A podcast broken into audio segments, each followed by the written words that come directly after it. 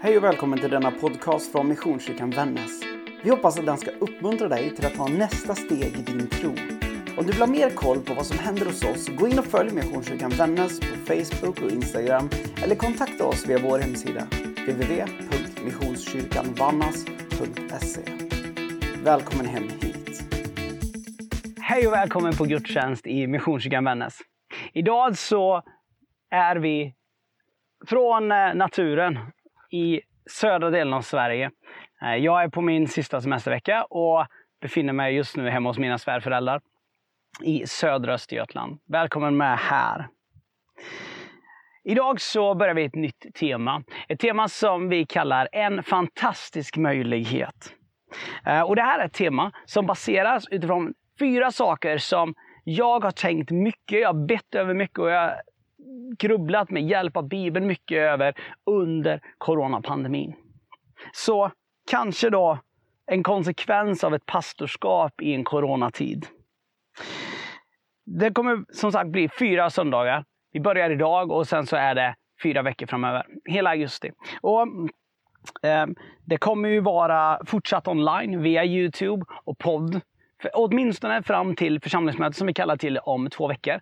Där vi kommer diskutera gudstjänsterna framöver. Så får vi se var vi landar där och då. För viktigt för oss, det är att alla ska kunna känna sig säkra på att gå på gudstjänst hos oss. Det ska kännas tryggt att gå på gudstjänst hos oss. Dessutom så vill vi följa Folkhälsomyndighetens rekommendationer. Och utöver det så känns det viktigt att vi stänger ingen utanför. Vi stänger inte dörren. Så har vi tänkt hittills och det är anledningen till att vi fortsätter det vi gör. Men vi som församling tror också starkt på gemenskap och relationer. Och därför skulle jag vilja uppmuntra dig. Känner du att jag skulle vilja finnas med i en smågrupp, i en mindre gemenskap där man kanske kan samlas, be tillsammans, dela livet, titta på gudstjänsten, fika. Ja, men ni vet, det där som vi gör på kyrkan fast i ett mindre format. Vill du vara med i en sån? Kontakta mig, pastor Johan Wikström, eller så kan du gå in på vår hemsida och där finner du även kontaktuppgifterna till mig. Men där kan du också fylla i ett intresseanmälan så kontaktar vi dig så fort vi bara kan. För vi är just nu i en fas där vi vill bygga upp starkare gemenskapsgrupper så att man kan fira gudstjänst i hemmen. Men först, den här söndagens predikan. En fantastisk möjlighet, del 1. Lyssna till Jesu ord från Johannes evangeliet, 15 kapitlet. Bli kvar i mig, så blir jag kvar i er. Liksom grenen inte kan bära frukt av sig själv om den inte sitter på vinstocken, kan inte heller ni göra det om ni inte är kvar i mig.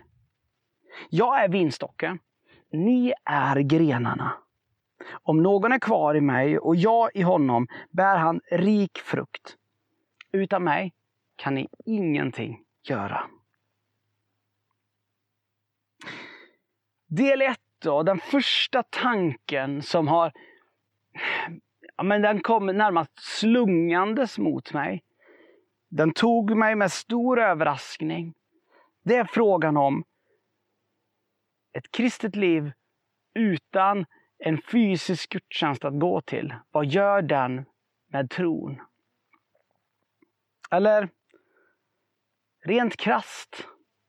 Frågan som har kommit till mig efter många samtal med människor, både i vår församling men också i andra församlingar, andra kristna bröder och systrar runt om, både i Vännäs och på andra håll, är Tar människor en paus från Gud när det blir en ofrivillig paus från att gå på gudstjänst?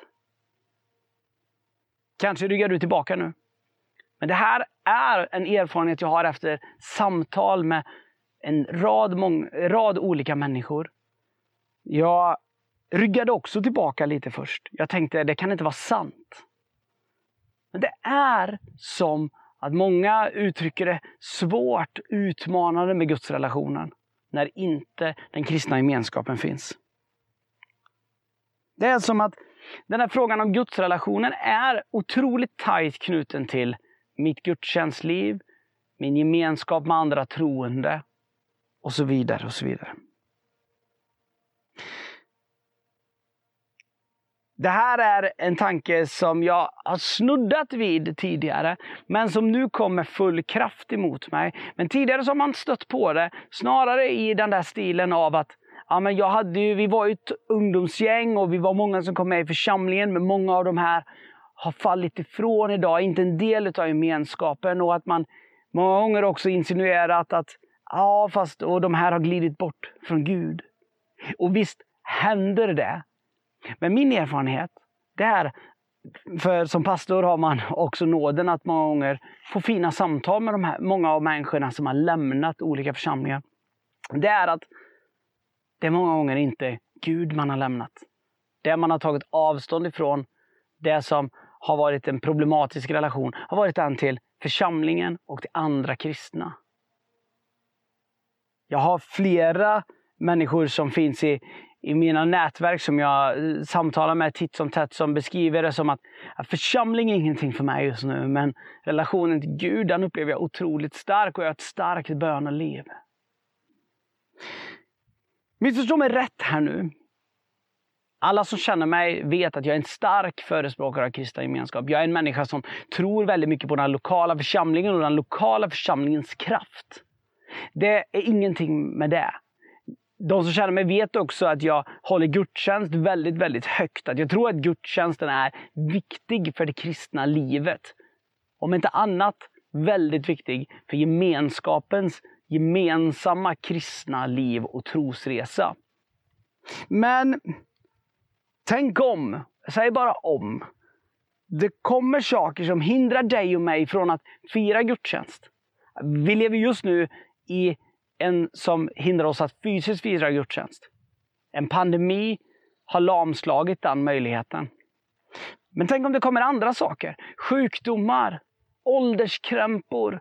Det kanske blir, blir diagnostiserad med någon sjukdom som gör att jag inte kan vara med längre.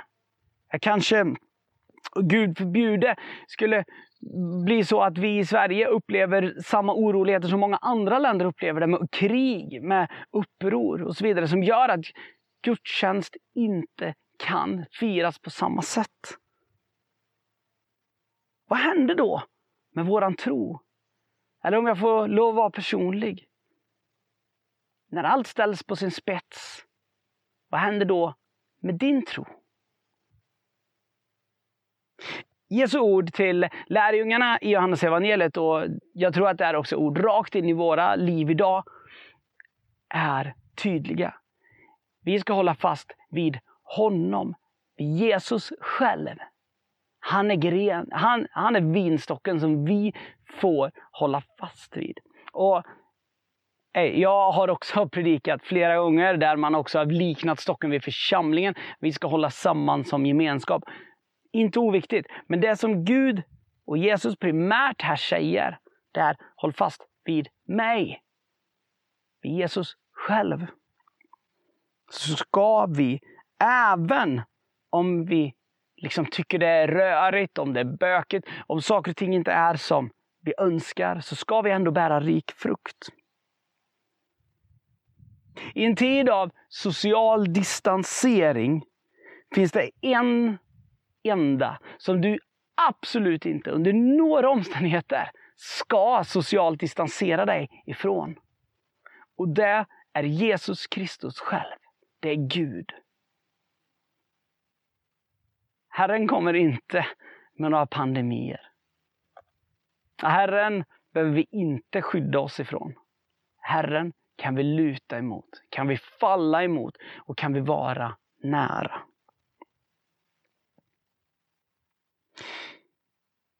I Daniels bok i Bibeln så finns en av mina absoluta favoritberättelser i Bibeln. En sån där stark berättelse som har burit mig genom många tuffa perioder i mitt liv. Det är berättelsen om de tre vännerna som slängs i en brinnande ugn för att de inte slutar tillbe Gud. Den vansinnige, vansinnige och förargade kungen Nebukadnessar slänger in dem där och säger till sina vakter efter en stund. Hallå, det var väl tre män vi slängde in där. Varför, när vi nu tittar in i den här brinnande varma ugnen, ser vi fyra där inne? Han, det beskrivs också att Nebukadnessar upplever att den fjärde personen är som ett gudaväsen. De var inte ensamma. Det var ytterligare någon i ugnen. Och Jag vet inte hur det är med dig, men när jag läser bibelberättelser så får jag ofta upp många andra bilder, många andra känslor och så vidare. Som inte står ordagrant rakt utskrivet, men som man liksom börjar ana. Jag tror inte att när de här tre vännerna slängdes i ugnen, att de kastades in med fullt självförtroende över att Åh, vad underbart! Få bli slängd i en ugn så att Herren kan rädda oss.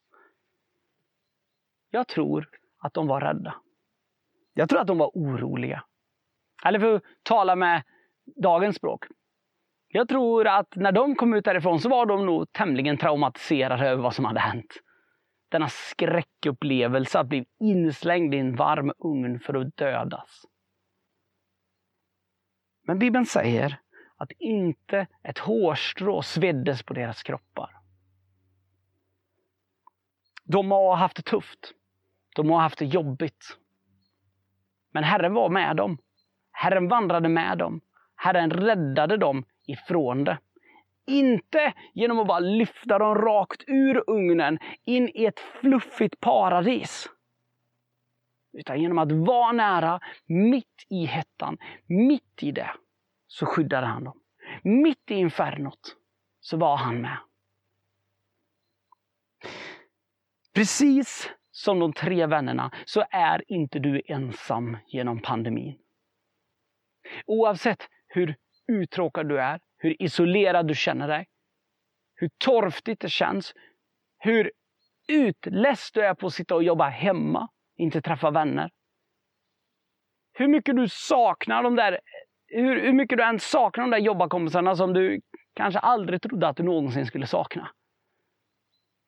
Alldeles oavsett det må vara jobbigt, tufft, tråkigt, hemskt. Herren är med dig genom pandemin.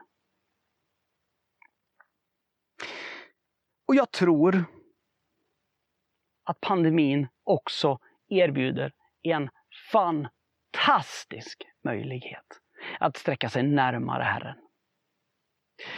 Här på morgonen så talade jag med, med en av mina svägerskor och som verkligen bara sa att ja, men det här har känts som en tid då där jag bara verkligen fått komma tillbaka till kärnan utav kristen tro igen. Jag får komma tillbaka till kärnan att jag är ett Guds älskade barn och jag får vila i det.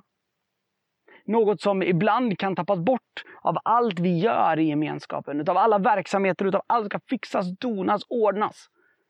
Den här tiden har gett möjlighet att närma sig Herren i det egna studiet, i bönen. Jag tror att när vi tittar tillbaka på den här pandemin så tror jag att vi kan se tillbaka på den på två olika sätt. Och det här är helt vårt eget val, vilket av de här sätten det blir. Det ena sättet tror jag, som man kan se tillbaka på det, det var pandemin, det var den där tiden då jag kände mig längre bort från Herren än vad jag någonsin har känt mig. Där jag kände mig övergiven, ledsen, besviken. Där jag tycker att vänner svek, där församlingen inte gjorde vad jag tyckte var en bra idé i pandemins tidevarv.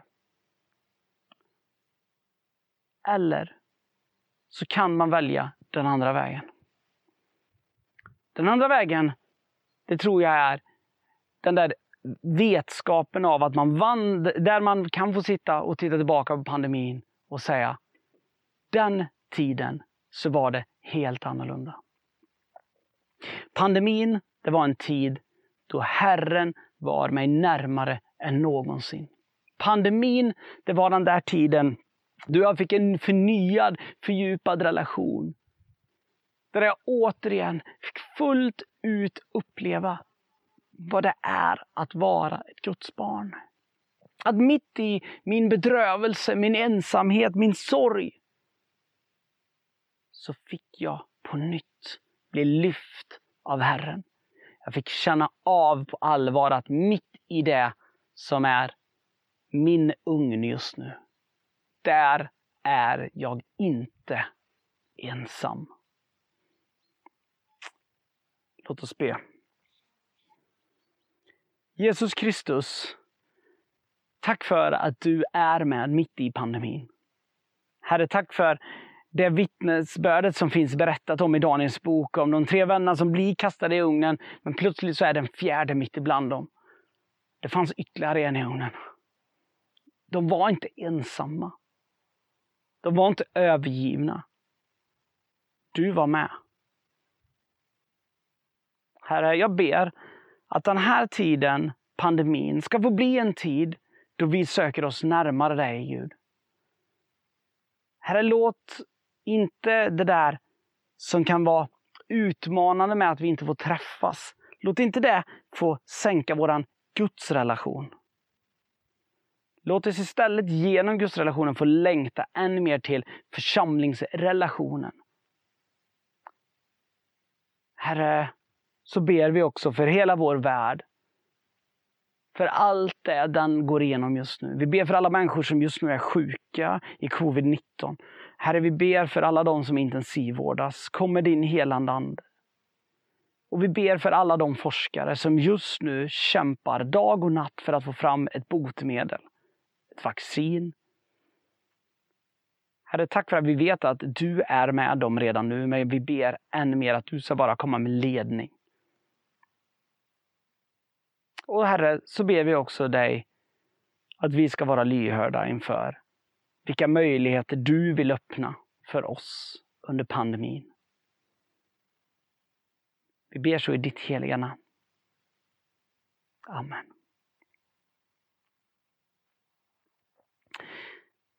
Under pandemin så har en del berättat för mig att församlingen känns väldigt långt bort. Jag delar den bilden. Jag delar den bilden.